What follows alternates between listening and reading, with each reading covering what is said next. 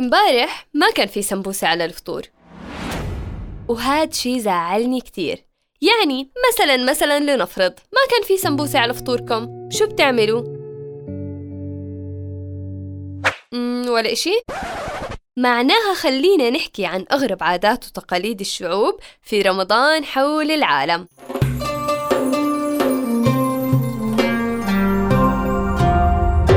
رؤيا بودكاست عزيزي المستمع عمرك عرفت من قبل إنه في لكل دولة عادات وتقاليد مختلفة في استقبال شهر رمضان المبارك؟ لا لا. في كتير عادات صادمة وغير مفهومة وعادات حلوة وعلى قولة أهل الشام مهضومة.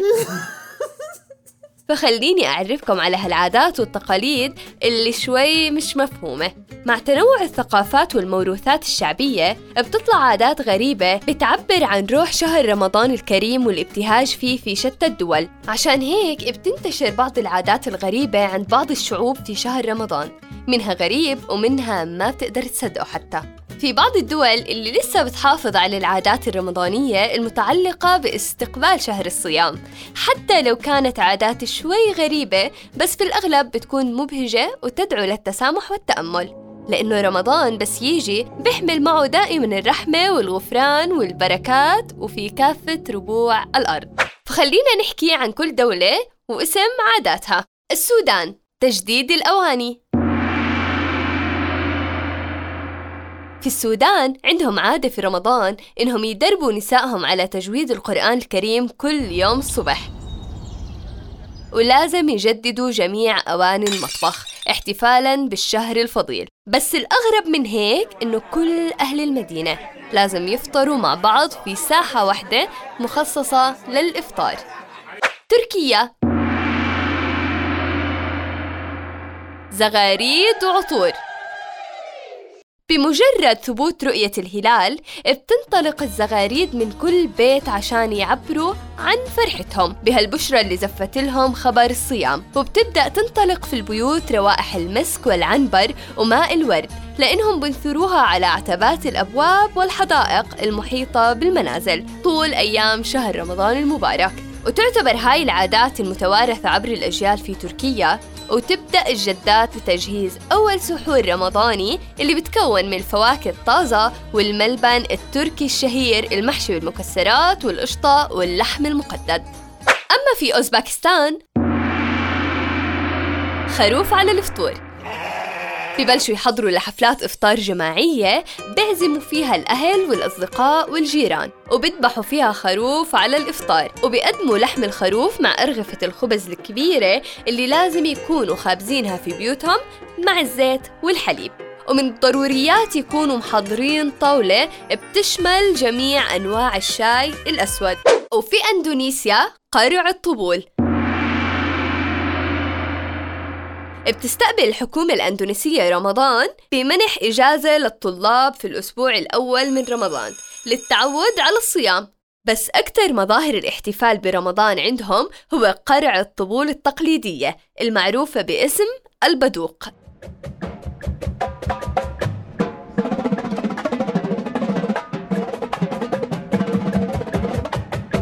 وأما عن العادة الأكثر غرابة للآن في باكستان حرب البيض. ومن أغرب عادات الشعوب في رمضان على الإطلاق اللي بيعملوها مدينة بشاور الباكستانية اللي بتشتهر بإقامتها لحفل عرس بتجمع فيه كل الأطفال اللي راح يصوموا لأول مرة. والعادة الأكثر غرابة كمان هي مسابقة حرب البيض المسلوق اللي لابد إنها تستمر على مدار شهر رمضان. وهي لعبة بتبلش في المساء وبتنتهي عند موعد السحور وبتعتمد قوانينها على إمساك أحد المتسابقين الشباب ببيضة مسلوقة وبضرب فيها الأخرى اللي بإيد خصمه. بهدف كسرها حتى يتأهل للمرحلة التالية. أما في أوغندا عادة ضرب الزوجات. هاي يا جماعة أغرب غرائب الأرض لهلأ. أغرب عادة من عادات الشعوب في رمضان على الإطلاق هي عادة قديمة في أوغندا. أكيد بشوفها البعض غير مناسبة للشهر الفضيل بس الشعب الأوغندي وتحديدا الرجال في قبائل اللانغو الأوغندية لسه لهلأ محافظين عليها. وهالعادة هي إنه بضرب الأزواج زوجاتهم على رأسهم قبل الإفطار. وبعدين بتقوم السيدات بتاخد رضا أزواجهم وبيعدوا وجبة الإفطار. يعني يا هيك الفطور يا بلا. بتصومي بتصومي وبتفطري عقفلة وفي ماليزيا عادة طواف النساء. بتلتزم الإدارة المحلية في ماليزيا على تنظيف الشوارع أول استطلاع هلال رمضان. وبتنتشر الزينة الكهربائية في الميادين الرئيسية احتفالا باستقبال الشهر الكريم. ومن العادات الغريبة كمان هو حرص النساء على الطوف بالمنازل لقراءة القرآن ما بين الإفطار والسحور. يعني بيقومن هالنساء وبحملن حالهن وبيطوفن حوالين بيوتهن. ترى ما داعي عزيزتي ما داعي. ما له داعي عزيزتي المسلمة. ترى والله بتدوخي. أما في نيجيريا. الإفطار المنفرد ممنوع. مش مقبول إفطار كل أسرة لحالها في بيتها في نيجيريا. بجمعوا كل الأكل اللي طبخوه في كل بيت وبيتم تقسيم الموائد أمام أقرب منزل. إلى جزئين واحد للرجال وواحد للنساء. بس الأغرب هو استضافة كل أسرة أحد الفقراء يوميا على مائدة الإفطار كنوع من التكافل الاجتماعي خلال شهر رمضان المبارك. يعني مش بعد ما تخلصوا أكل تنادوهم. على الفطور حبايبي.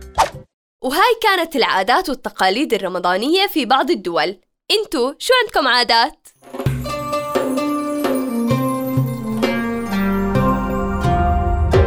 رؤيا بودكاست.